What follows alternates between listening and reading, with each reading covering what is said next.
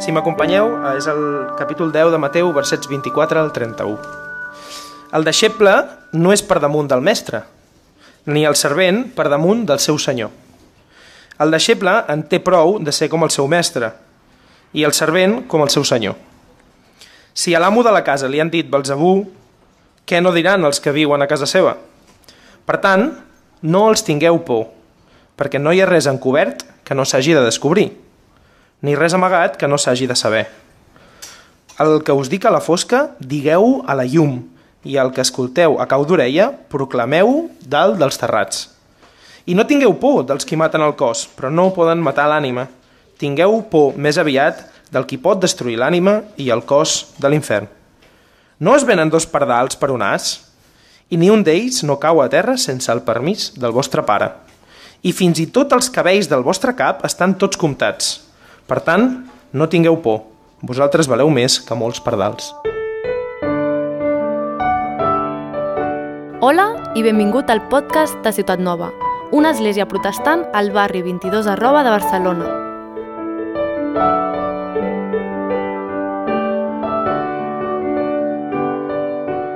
Es un placer el poder estar acompañando en este tiempo y por abrir una buena oportunidad también de servir eh, con la enseñanza de la palabra. Y al final todo lo que hacemos queremos que sea lo que el Señor transmita y no nosotros. Y os quiero hacer una pregunta. ¿Quién conoce o quién ha visto aquí la película de Inside Out o del revés? Vale, un buen grupo de gente. Los que no lo hayáis visto ya tenéis plan para esta tarde. ¿Vale? ¿Por qué? Porque es una película eh, que Pixar eh, realizó y es muy interesante porque desarrolla de una forma magistral eh, un tema que nos repercute a, a todos y es el tema de, de las emociones, de los, de los, sentimientos. Y habla de los sentimientos básicos. Eh, ¿Alguno de los que lo hayáis visto, me podéis decir cuáles son esos sentimientos más básicos? Alegría, tristeza, asco, miedo e ira. Muy bien, aprobados. Um, esos son elementos básicos, son elementos puros que todos compartimos. Cuando hablo de puro es que hay otro tipo de miedo, como pueden ser la vergüenza, por ejemplo, o eh, la culpa, que tienen añadido que son por nuestro espacio sociocultural o sociomoral. Eh, mi mujer y yo somos un claro, un claro ejemplo de ello. Mi mujer, eh, hay cosas que le dan mucha vergüenza y bueno, yo soy un poco sinvergüenza y aunque vamos trabajando en ello poco a poco, cada uno sufrimos la vergüenza, por ejemplo, eh, por, temas, por temas diferentes. Pero todos tenemos miedo, todos tenemos vergüenza, todos tenemos ira. Pero hay algo que nos da esperanza, es que en el principio no era así.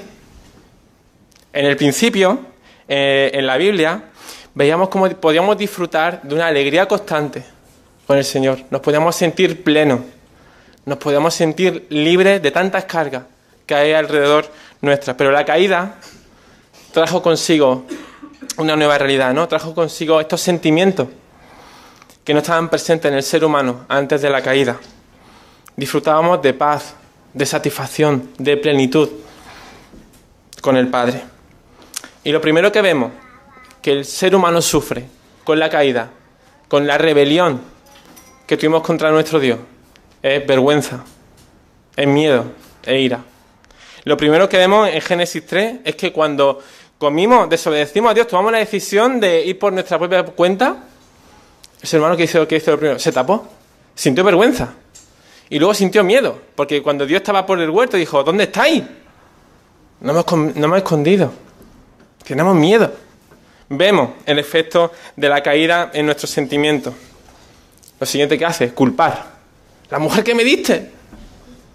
No es porque fuera mujer, es porque cada uno, esas consecuencias nos repercuten a todos. Y, no queremos rendir cuenta a nadie. Nos da miedo asumir nuestras responsabilidades. Sin embargo, a raíz de Génesis 3 en adelante, también vemos cómo Dios establece un nuevo marco en el que encajar esa realidad. Dios nos permite volver a, continuar en alegría, pero también a lidiar con esos nuevos sentimientos. Establece un marco en el que pone soluciones divinas y providenciales a nuestros temores, a nuestros miedos y a nuestra angustia. Y la Biblia, la palabra en su totalidad, desde Génesis hasta Apocalipsis, nos revelan el plan de restauración y esperanza que Dios está llevando a cabo en este mundo. Y también restauración y esperanza en nuestros sentimientos y emociones.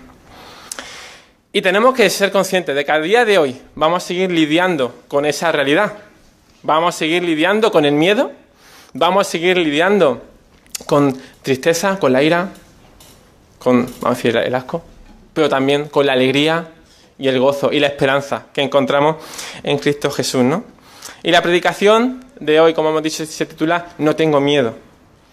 Y parafraseando a Shakespeare, la famosa frase de ser o no ser, ¿no? Esa, es la cuestión.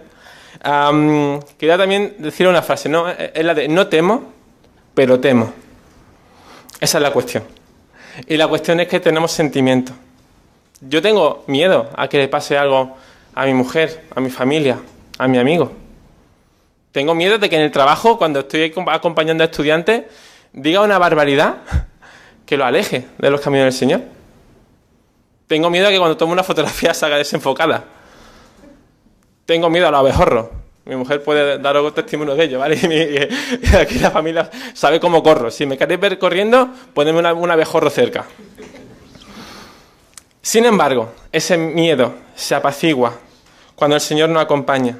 Y en medio de mis circunstancias puedo ver que hay una historia por encima de mi historia que me da esperanza, consuelo, ánimo, una historia más liberadora, más poderosa. Así que, iglesia, tener miedo es normal. Tener miedo está bien, tener miedo es normal. La cuestión es, ¿cómo avanzamos en medio del temor? ¿Cómo avanzamos con el, temor, eh, con el miedo? ¿Cómo lo superamos? en las diferentes situaciones y circunstancias en las que nos encontramos. Vamos, ya eh, Vladi ha leído ¿no? el pasaje en el que vamos a desarrollar la predicación de hoy, eh, en el que Jesús eh, nos, alienta cómo enmarcamos el temor en nuestra vida diaria como discípulo suyo. Y vamos a reflexionar en tres puntos. En primer lugar, vamos a ver a Jesús como nuestro modelo en medio del temor.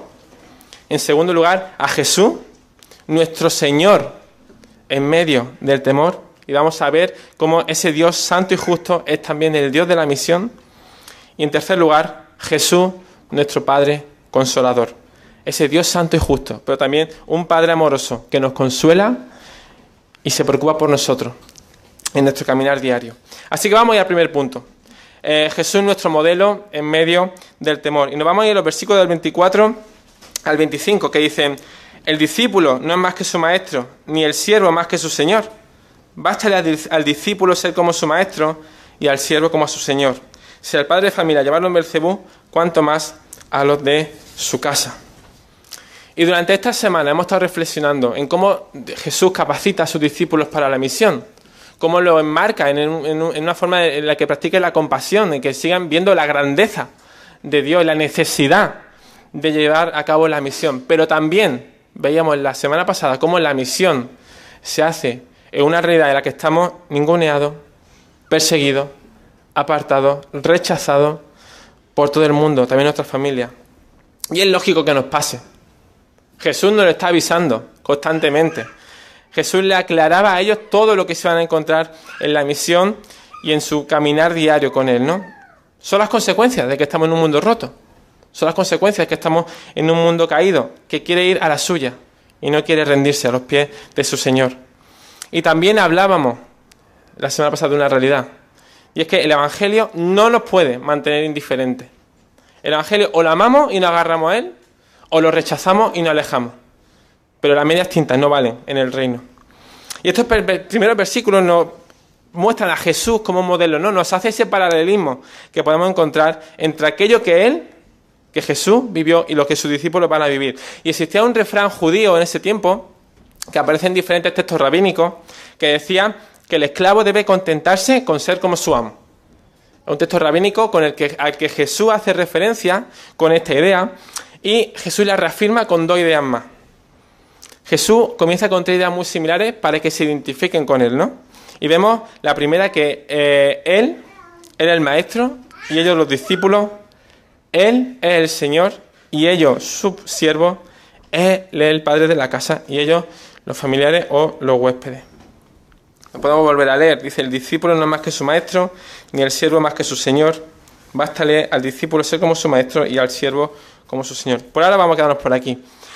Por lo tanto, existe una relación directa entre aquello que hace el maestro y el discípulo y aquello que hace el señor y su siervo. La descalificación o la aprobación de uno repercute en la descalificación o aprobación del otro. Es decir, debe haber una coherencia con aquello que enseña el maestro y aquello que vive el discípulo, o aquello que manifiesta el Señor y aquello que llevan a cabo los siervos del mismo. Así que Jesús se está identificando aquí como modelo de vida que debe inspirar la vida de sus discípulos. Y como discípulos deben vivir vidas coherentes como su maestro. Y como discípulos que somos cada uno de los que estamos aquí, debemos vivir vidas coherentes con el modelo que Jesús nos deja. De la misma forma, Jesús nos dice, chicos, vais a sufrir las mismas cuestiones, las populares, pero también las impopulares, en el desarrollo de mi misión. Somos llamados a compartir la gloria de Jesús y de Cristo, pero también su padecimiento. Somos llamados a disfrutar en el trono, pero también en su muerte. Jesús nos lo dijo, si alguno quiere ser mi discípulo, tome su cruz y sígame. Y esto implica sumergirnos en la oposición y persecución que él mismo soportó. En Juan 15:58 dice, eh, si el mundo aborrece, sabed que a mí me ha aborrecido antes que a vosotros. Jesús no es un Dios distante, Dios no es un Dios distante que nos manda perdido. Él mismo se establece como modelo de aquello que debemos seguir. Pero no se queda ahí. Continúa diciendo, no sé, al padre de familia llamaron Belcebú, ¿cuánto más? A lo de la casa. Y el término que usa para Belcebú era un concepto cuya raíz proviene del término Baal Zebub, eh, perdón, Baal Zebul, que era Baal el príncipe, pero que los eh, israelitas con el fin de denigrar o, rechazar esa cuestión divina, de divinidad, perdón, que le daban, decidieron llamarlo Baal Zebub, es decir, cambiaron la L por la B, que se refería al señor de las moscas o señor del excremento, ¿no? Es decir, un insulto. Y a Jesús lo estaban insultando aquí, cuando le, le estaban diciendo, si al padre de familia llamaron Belcebú, estaban insultándole claramente a Jesús eh, día tras día. ¿Cuánto más a los de la casa? ¿Y quiénes, somos los, quiénes son los de la casa? ¿Quiénes somos los de la casa? Los discípulos y cada uno de nosotros. Así que Jesús dice, chicos, los insultos va a ser vuestro día a día. ¿Quién no ha escuchado palabras como pardillo, tonto, intolerante, ignorante? Nos suenan, ¿verdad? Es posible que nos suenen a muchos de nosotros por defender nuestra fe. Jesús sabía que íbamos a sufrir temor, vergüenza, desprecio. Lo, estamos viendo en, estos, en estas semanas. En, en, cada uno de los evangelios se nos muestra esta parte de la realidad. No es algo escondido. No es algo que me dijeran, esto no me lo han explicado. ¿Qué implica cuando yo acepto al Señor en mi vida? Así que, iglesia, necesitamos mirar a Jesús como modelo en nuestro caminar diario, como modelo en medio del temor.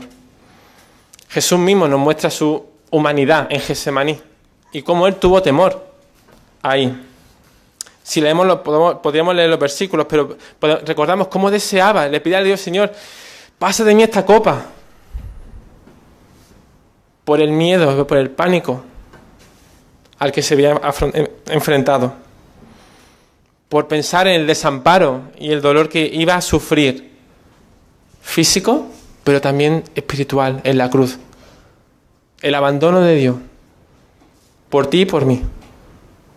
Y a Jesús muestra el temor. Y en la cruz observamos que Jesús sufre el mayor sentimiento de abandono y de miedo que nadie jamás va a poder sufrir. Jesús tuvo que sufrir el abandono de Dios mismo, de su propia identidad. De esa, a Jesús fue quebrantado de esa relación eterna que disfrutaba con el Padre. Así que la cruz de Jesús nos recuerda que Él es consciente de lo que implica el miedo. La cruz vacía nos recuerda que Dios es el primero que sabe por las circunstancias que hemos pasado. Pero la cruz vacía también nos recuerda que hay esperanza, que hay poder, que hay victoria en medio de cada situación.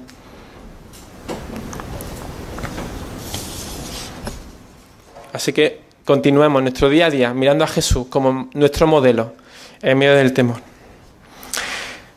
Si seguimos con los versículos, vamos a reflexionar en un segundo punto. A Jesús, nuestro Señor, en medio del temor.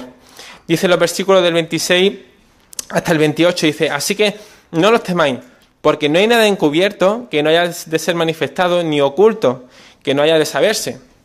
Lo que os digo en las tinieblas, decidlo en la luz. Y lo que oís al oído, proclamadlo desde, la azotea. Y no temáis a los que matan el cuerpo, mas el alma no pueden matar Temed más bien a aquel que puede destruir el alma y el cuerpo en el infierno. Y cuando acercamos estos versículos vamos a pensar, voy, voy, Jesús, vamos a ver. Me estás diciendo, voy a sufrir todo esto y ahora me dices, así que no temáis. A pensar, algo no cuadra, ¿no?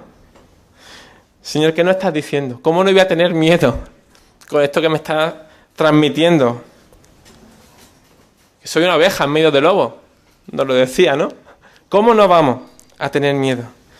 Y aquí Jesús vuelve a enfocarnos por segunda vez en una dimensión mayor a la hora de tener una comprensión correcta de cómo cada uno de nosotros como cristianos, como discípulos suyos, tenemos que enmarcar el temor. La primera lo vemos en los versículos 19 al 20, cuando decía, pero cuando entreguen no os preocupéis por cómo o qué hablaréis, porque en aquella hora os será dado lo que habéis de hablar pues no sois vosotros los que habláis, sino el Espíritu de vuestro Padre que habla en vosotros. Ahí vemos una primera parte providencial de esa dimensión en la que Dios nos capacita para afrontar el temor. Y de, y de nuevo vuelvo, nos vuelve a decir, no temáis, porque aquello que necesitamos lo hemos recibido ya. Entonces aquí Jesús nos dice, vale, estamos en una realidad rota, caída, el temor existirá, viene a causa del pecado, pero reenfoca tu temor. Hemos visto que, que todos somos temerosos por naturaleza, ¿no? Como muchas veces nuestra timidez nos hace temer excesivamente al hombre, nuestra necesidad de afecto y aceptación nos traiciona y nos hace incapaces de decir algo que pueda crear rechazo. Esta es una idea con la que, sobre todo chavales, los más jóvenes, las redes sociales trabajan mucho con esto. La búsqueda de la aprobación constante, de la interacción constante. Pero todo, estamos con ello y puede también que suframos miedos, ¿no? A ver la realidad que estamos viendo tristemente en Ucrania, que podemos ver en Siria, la inflación, la pandemia. ¿Cuántos miedos nos pueden surgir, no? Y aquí me gustaría plantear una, ilustración, ¿vale? Eh, si recordamos en, el libro de Efesios, se nos habla de la armadura de la fe. Y aquí yo voy a hablar del traje de la misión, ¿vale? Um, no quiero banalizar, pero quiero únicamente que vayamos con una idea. Así que imaginaos que vaya a una celebración, ¿vale? Todo ubicado, vamos a una fiesta, todo el mundo. Jolín, a mí me da alegría cuando viene una fiesta. ¿Sí, no? Venga. vale, así que ahora imaginaos con el traje o el vestido más maravilloso que, penséis. Poneos lo que queráis. Poneos la, tela más cara, los complementos que queráis. Imaginad en vuestra mente. ¿Cómo iríais a esta, a pedazo de celebración? ¿Vale? ¿Lo tenemos en nuestra mente? Vale. Estáis guapísima y guapísima, ¿eh? Con eso que habéis puesto. Os queda como un guante. Las mangas en su sitio, buena caída, bien ceñidito. En ese traje vamos a definir ciertos conceptos, ¿no? Por un lado, vamos a llamar a una manga la parte de la buena noticia y la proclamación del Evangelio. La otra manga, vamos a decir, el señorío de Dios, su santidad, el chalequito, vamos a llamarlo, eh, la parte de la esperanza y la salvación que hemos recibido. Cada parte de nuestro traje tiene un fin, tiene un nombre. Pero ¿qué pasa? Hemos recibido nuestro traje y, hemos, y nos hemos olvidado de la celebración. Hemos empezado a decidir qué partes de este traje nos gustan más y hemos desechado esas partes, algunas partes del traje. Los versículos 26 y 27 de, este pasaje no si crean cierta incertidumbre entre algunos comentaristas, pero al final lo que quiere decir es, o lo que la mayoría interpreta es que no debemos permitir que el temor haga callar nuestro mensaje. y creo que como cristianos occidentales hemos arrancado parte de este precioso traje. Yo he arrancado parte de este precioso traje. He arrancado la manga de la proclamación del Evangelio. El Señor del universo, el Señor creador, me ha dado un traje Y yo he decidido arrancar porque me convenía más, porque la cultura me, me anima a romperlo y creo que he decidido que no me hace falta esa manga. Hemos, de- hemos decidido ir con la corriente cultural y nos hemos olvidado que nuestro traje o nuestro vestido es contracultural. Hemos predicado el Sermón del Monte. Y el Sermón del Monte es un discurso contracultural que Jesús nos va diciendo. Hemos olvidado que las palabras de Jesús son revolucionarias para nosotros y para la sociedad. Y aquí, en estos versículos, lo que Jesús nos está diciendo, todo lo que necesitáis, todo lo que se os ha revelado en el secreto, es para que lo proclamemos con las personas. Que para los que nos crucemos en nuestro día a día, con vuestros compañeros de clase, chicos, en el instituto, con nuestros compañeros de trabajo, con todas las personas con las que nos cruzamos.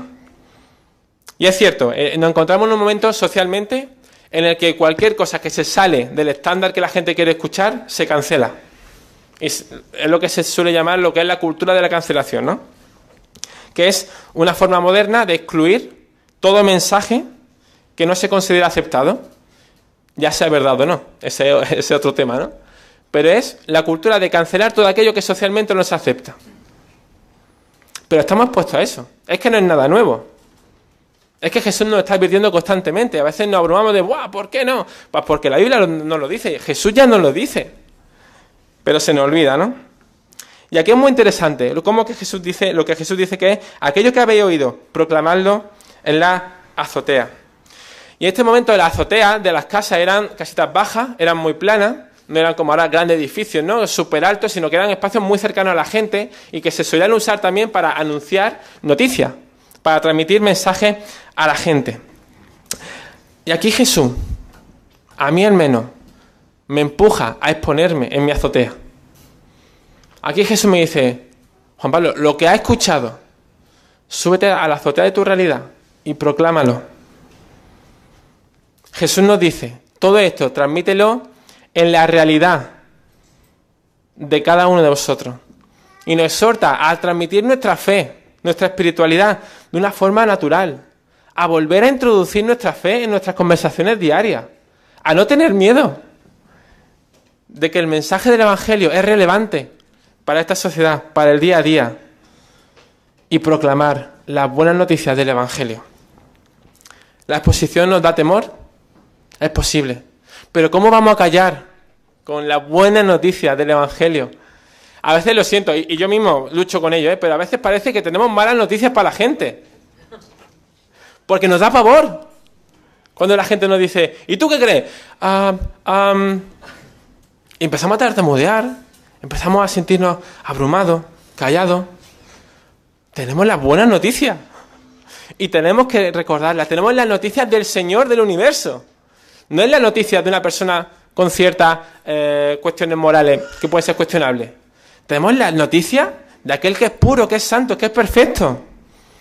Y que la gente necesita escuchar. Entonces, ¿qué falla en nuestra evangelización? ¿Qué falla en nuestra misión?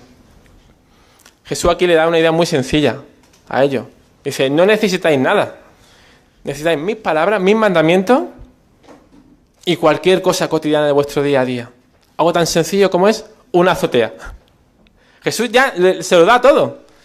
Y los capacita también. Le, decía que lo iba a capacitar con su poder. Y ese poder reside en cada uno de nosotros. Y necesitamos recordarlo. El poder del Dios del universo está en cada uno de nosotros. Nos acompaña cada día a cada uno de nosotros. Pero necesitamos recordarlo. Así que nuestra evangelización, animaros a que vivamos la misión de una forma natural, sencilla, integremos los valores del reino en nuestro día a día, en nuestros pensamientos, en nuestra gestión de nuestros teléfonos, de nuestras redes sociales, integremos el reino en esa realidad. Creo que a veces nos da más miedo que nos cancelen a nosotros que la cancelación misma que hacemos nosotros con nosotros mismos. Somos nosotros los que muchas veces nos cancelamos. Pero cuando la gente escucha el Evangelio y dice, ostras, esto no es lo que a mí me habían contado. La gente necesita descubrir a un Jesús auténtico. La evangelización es un llamado general que Dios ha hecho en todo y en cada uno de nosotros. La misión es para todos nosotros, porque somos hijos del Dios y del Señor de la misión. La misión es para cada uno de nosotros, porque todos somos hijos del Señor y el Dios de la misión. Y, y el Señor quiere usarte a ti, tal y como eres. El poder de- del Señor se manifiesta en tu debilidad, en mi debilidad. Él quiere usarte con tu carácter, con tus dones, en tu realidad, en tu etapa vital. El Señor quiere usarnos. Quiere establecerte en esa azotea circunstancial en la que te encuentras en este momento. En el equipo de Jesús vemos a personas muy diferentes. Vemos a personas muy introvertidas y a personas extremistas radicales, vamos a decirlo así, que le daba igual cualquier cosa. Y esa gente, ese elenco, formaba parte del plan de Dios. Hay una frase de Soren Kierkegaard que me encanta, dice, 12 discípulos unidos por ser cristianos cambiaron el aspecto del mundo. Aquí estamos más de 12, ¿verdad? Estamos unidos por ser cristianos, no por ser seguidores de Jesús. ¿Cuánto podríamos esperar en la transformación que necesita este barrio, esta ciudad, este mundo? Jesús quiere usarte tal y como eres. Y Jesús quiere usarte con tus dones, con tu carácter y con la realidad que hay alrededor tuya. Iglesia, eh, durante este mes hemos estado viendo constantemente reivindicaciones de muchísimos colectivos. El 8M, por ejemplo, ¿no? La reivindicación por la búsqueda de la igualdad entre el hombre, el hombre y la mujer. Muchos de nuestros profesores habéis estado esta semana reivindicando también lo que es justo para vosotros en el trabajo, camioneros, luchando y reivindicando también sus derechos. Vemos muchos colectivos que defienden su idea. Y nos encontramos en un momento en el que cada uno de nosotros tenemos que plantearnos, ¿por qué me cuesta reivindicar mi fe? ¿Por qué tengo temor a reivindicar mi fe? Si sé que el Evangelio que de verdad transforma vida, que da esperanza a este mundo. Hay una palabra que está bombardeando ¿no? Actual- actualmente en los medios, que es el empoderamiento. Y quiero que quitéis las connotaciones negativas, ¿vale? Que puede traer a nosotros esa palabra. Pero creo que una palabra que necesitamos también, en el aspecto más positivo, traer a nuestra realidad. Necesitamos volver a empoderarnos del mensaje del Evangelio. Necesitamos empoderarnos del mensaje del Señor creador del universo.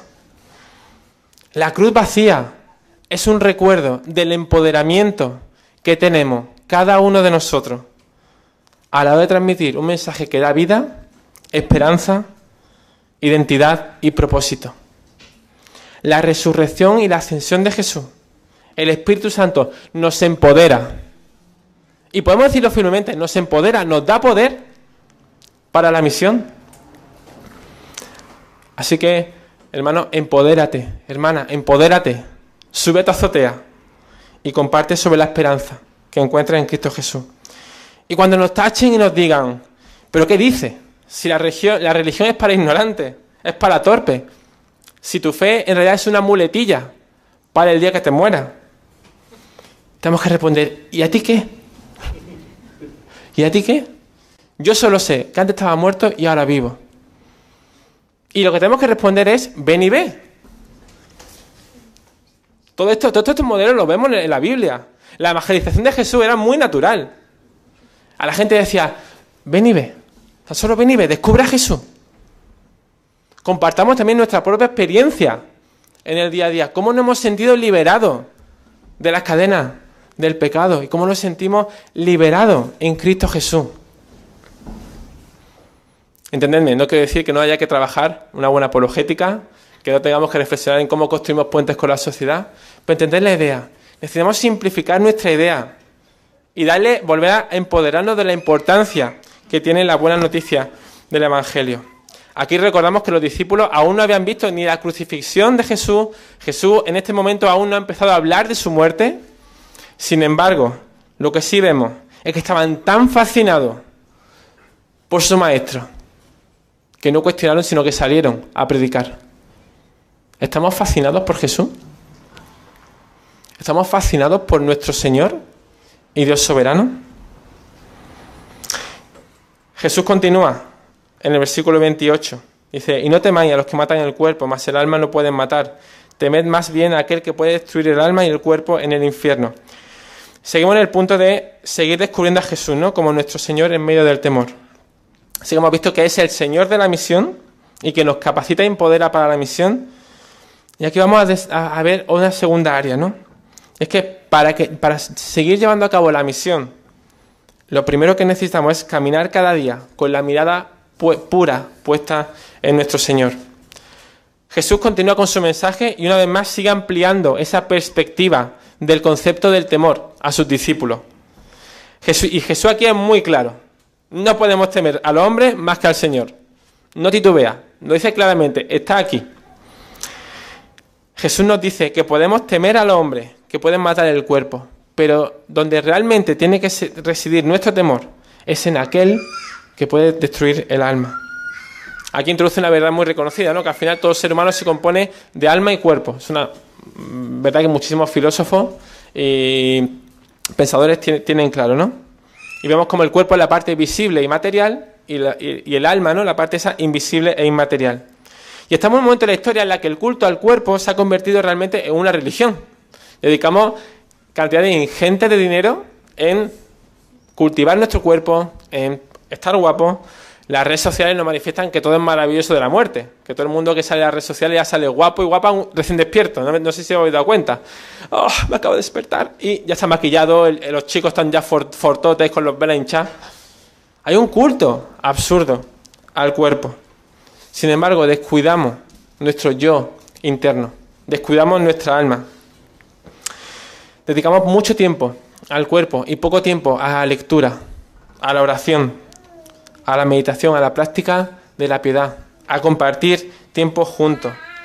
Reaccionamos muy rápido cuando nos encontramos mal, ¿verdad? Es decir, me duele la cabeza, voy a poner ibuprofeno. Me duele algo, voy al médico. Oye, y está bien. Gracias a Dios porque disponemos de ello. Pero ¿cómo reaccionamos cuando vemos orgullo, envidia, odio y otros males en nuestra alma? Y si seguimos esa lógica, lo mismo, lo mismo nos pasa con la evangelización, lo mismo nos pasa con la misión. Ante la persecución, nuestra tendencia principal es a salvar nuestro cuerpo, antes que en preocuparnos por salvar las almas perdidas que hay en este mundo, almas que tendrán una eternidad sin el Señor. Si nos abrumamos con el conflicto que hay en Ucrania, en Siria y en el resto del mundo, con tantas personas sufriendo, ¿podemos imaginarnos una eternidad viviendo una realidad más oscura que esa? ¿Podemos pensar que mucha gente que no conoce a Jesús va a sufrir una eternidad alejada del Dios que da esperanza, belleza y poder? El término que aquí usa Jesús para eh, usar el infierno es Gehenna, que, podemos, que estaba asociado ¿no? a la realidad del vertedero municipal de Jerusalén en ese momento, que era un lugar donde directamente se desechaba todo. Imaginaos lo que podríamos encontrar ahí, ¿no? Y es un término que Jesús asocia al castigo de los pecadores por el juicio de Dios. Y Jesús resume esa idea para ejemplificar lo que supone una eternidad sin Él. Nos acordamos del traje, ¿no? Seguimos con el traje, todos con el traje, ¿vale? Estamos ubicados. Hemos dicho de que la habíamos quitado en la manga, ¿no? De la proclamación. Y ahora hemos decidido también quitarle la manga de la parte de santidad y reverencia de nuestro Señor. No hemos olvidado del anfitrión de la fiesta. Y algo que era un traje, un vestido de americana preciosa, ahora lo hemos convertido en un chaleco cutre, un chaleco con menos sentido que lo que era en un principio. Y lo mismo pasa con nuestra percepción de Dios. No hemos olvidado tanto de quién es Dios que nos hemos agarrado a su faceta de amigo, de Salvador, pero hemos olvidado la faceta de que es nuestro Señor también. No hemos enfocado tanto en la gracia y en el amor que nos hemos olvidado de que Dios también es un Dios justo, que sufre ira, un Dios santo. En Deuteronomio 10, de 12 al 13, Dios le manda un mensaje muy claro a Israel. Dice, y ahora Israel, ¿qué requiere de ti el Señor tu Dios? Sino que temas al Señor tu Dios, que ande en todos sus caminos, que le ame y que le sirva al Señor tu Dios con todo tu corazón y con toda tu alma y con toda tu mente, y que guardes los mandamientos del Señor y su estatuto, que yo te ordeno hoy para tu bien. Tanto Moisés como Mateo dejan registrada esa faceta del carácter santo y justo de Dios. Y no debemos temer a Dios porque sea un tirano, un dictador o un líder corrupto. Debemos temer a Dios porque es Dios y punto. No hay más. La ira y el juicio de Dios son nombrados por Jesús mismo y esto nos debería dar mayor temor que cualquier otra circunstancia o situación humana. Jesús nos está advirtiendo una vez más de la extrema gravedad del juicio divino. Y eso nos debería alentar y recordar en la urgencia de la evangelización, en la urgencia de salir a la misión. Aquellos que desoyen el mensaje del Evangelio van a sufrir una eternidad alejado de Dios. Debemos practicar y vivir en un temor santo y reverente. Si recordamos las palabras del proverbio, capítulo 1, ¿no? dice, ¿cuál es el principio de la sabiduría? El principio de la sabiduría es el temor a Jehová. Dice, los insensatos desprecian la sabiduría y la enseñanza. Y de nuevo, Proverbios 29 y 25 nos vuelven a reenfocar en esa dimensión. Dice, el temor al hombre es un lazo, pero el que confía en el Señor estará seguro. Hablamos de la necesaria confianza que tenemos que buscar en nuestro Señor. Necesitamos tener una perspectiva correcta de quién es Dios. Y eso, esa perspectiva correcta es la que nos va a enfocar en la misión, es la que nos da valentía en la misión, es la que nos da fortaleza y confianza en medio del temor. Porque aquel que es justo, santo, perfecto y soberano es quien nos acompaña, es quien intercede por cada uno de nosotros. Y me encanta ver diferentes personajes, personas como tú y como yo, a lo largo de la Biblia, que tenían claro este enfoque. A los más jóvenes, pensamos que eh, la santidad o, el vivir bien es algo únicamente de mayores. No. Y aquí me gustaría que fuéramos a Daniel, el versículo 3 del 16 18, en el que vamos a ver a tres universitarios, como fueron los amigos de Daniel, poniéndose firmes delante del rey más poderoso que había en ese momento en el mundo, el Joe Biden del momento. ¿Vale? Y dice así, dice, Sadrach, Mesach y Abednego respondieron al rey Nabucodonosor diciendo, no es necesario que te, respondamos, que te respondamos sobre este asunto. He aquí nuestro Dios, a quien servimos, puede librarnos del horno del fuego ardiendo, y de tu mano, oh rey, nos librará. Y si no, sepa, oh rey, que no serviremos a tus dioses, ni tampoco adoraremos la estatua que has levantado. Aquí vemos a tres chicos, a tres jóvenes de edad universitaria, colocándose del rey más poderoso del mundo, diciéndole, no voy a adorar a tus dioses. Me da igual el infierno, me, da igual este fuego, me da igual este horno. No pienso arrodillarme ante tus dioses, porque tenían su confianza en el Dios soberano, en el Dios creador, en el Dios de Israel, en su Dios. Vemos también a Pedro y a Juan en Hechos 4.19 ante el concilio, por ejemplo. Dice Pedro y Juan en Hechos 4.19, por ejemplo, dicen, respondieron diciéndole ante la autoridad del momento, ¿eh? Juzgad si es justo delante de Dios obedecer a vosotros antes que a Dios.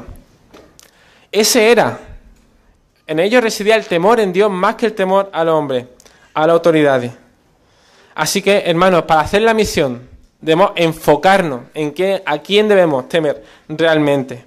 Enfocarnos hacia quién tenemos que mirar a la hora de llevar a cabo nuestra proclamación pública en nuestro día a día. No podemos seguir la misión si tenemos una visión parcial de Dios. No podemos seguir viviendo cristianismo descafeinado. Un evangelio descafeinado. La tibieza espiritual es uno de los grandes males que Dios no tolera. Podemos recordar el mensaje del juicio de Dios a la iglesia de la Odisea en el capítulo 3, versículos 15 y 16 de Apocalipsis. El reino de Dios no tolera la media tinta. El reino de Dios no tolera la tibieza. O somos discípulos y seguidores suyos o no lo somos. Punto intermedio, no son válidos. Así que hagamos una pregunta. ¿Cómo está nuestro traje? ¿Cómo está tu traje?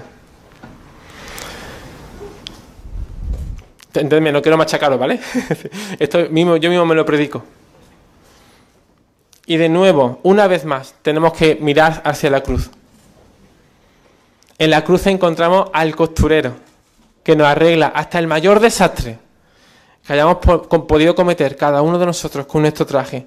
La cruz, el lugar en el que la justicia y la paz se besan, nos trae perdón y restauración a cada uno de nosotros. Jesús bajó de la cruz y resucitó para que mediante su sangre podamos acercarnos a ese Dios santo y arrepentirnos. Y Jesús restaura nuestro traje. Tienes la oportunidad de ponerte al día con Dios y volver a poner esa manga de la proclamación, el reconocerle de nuevo eh, como tu Señor, no solo como tu Salvador, sino como el Señor de tu vida, el Señor que domina cada área de tu vida. Y es ahí, cuando entramos en el trono de la gracia, en el lugar en el que no encontramos temor. Es ahí, cuando estamos en el trono de la gracia, cuando realmente podemos decir, no hay temor. Disfruto de la libertad que encuentro en Cristo. Cuando ponemos nuestro foco en la gloria, la grandeza y la libertad que encontramos en Cristo Jesús, somos libres del temor. Y eso nos capacita para seguir adelante en la misión. Así que sigamos mirando a Jesús como nuestro Señor en medio del temor. Y ya para terminar, vamos a mirar a Jesús, nuestro Padre Consolador. Dice, no se venden dos pajarillos por un cuarto, con todo, ni uno de ellos cae en tierra sin, vu- sin vuestro Padre. Pues aún vuestros cabellos están todos contados, así que no temáis, más valéis vosotros que muchos pajarillos. Y como discípulos de Jesús, tenemos que ver que ese Dios creador, ese Dios que lo ha creado todo, nos da valor. Antes hablábamos de Dios, de un Dios santo, de un Dios que también va a traer juicio. Pero con el traje completo podemos ver ese carácter de un Dios que es un Padre que nos ama, un Padre que nos da valor. Dios es creador de los seres humanos y de estos pajarillos también de los que nos habla. Pero además nos ama como un Padre a cada uno de nosotros, que somos sus discípulos. Jesús nos enfoca en este amor paterno en medio de nuestra misión. Cuando, cuanto más abrimos la mirada a su providencia y vamos descubriendo su amor y de todo lo que provee alrededor de nosotros, tanta más confianza tendremos en nuestra evangelización y proclamación pública. Y la idea de los pajarillos es muy interesante porque en este tiempo era de los alimentos más asequibles que había para la población. Un par de pajarillos podrían costar lo que es más o menos a día de hoy unos 5 céntimos. Algo irrisorio, ¿verdad? Que todo el mundo podríamos acceder a él. Pues aún a esos pajarillos, nuestro Padre Celestial le da un valor. ¿Cuánto más a nosotros? ¿Cuánto más valor quiere darte Dios a ti? Hasta los elementos más triviales de la creación le importan a Dios. A Dios le importa toda su creación. No hay nada que se le escape, no hay nada que diga, no, no, no, no me importa esto, no controlo esto.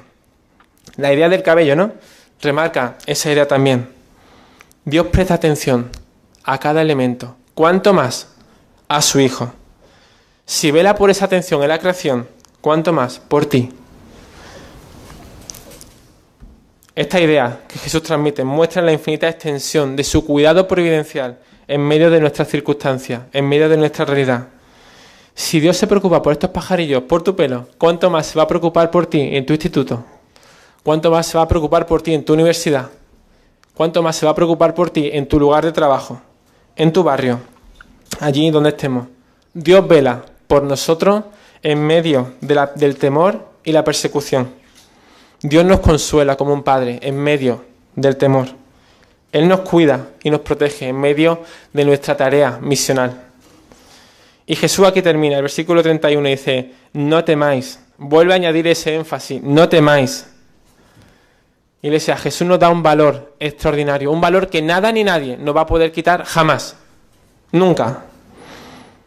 Así que primero, lo primero que hace es exhortarnos a no temer a este mundo y nos alienta a poner la mirada en Dios.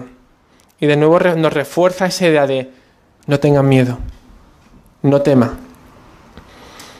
Así que, iglesia, tenemos un Dios que nos dice no temamos. Él camina con nosotros. En el principio decía temo, pero, temo pero no temo, ¿no? Esa es la cuestión. La cuestión realmente es temer a Dios y no temer a los hombres. Esa es la cuestión. Ese es el principio de la misión. Ese es el proceso del discipulado. Que el Señor nos ayude a seguir mirando a Jesús como modelo en nuestro día a día, como ese Señor santo y justo al que tenemos que temer. Y recordemos que somos amados y cuidados en medio de cada circu- circunstancia. Y como diría al final de Mateo, y aquí, Él está con nosotros todos los días, hasta el fin del mundo. Amén. Gràcies per escoltar aquesta predicació. Si tens preguntes respecte al seu contingut o vols tenir una conversa sobre l'Evangeli, no dubtis en contactar-nos. El nostre correu electrònic és info arroba cn22.org.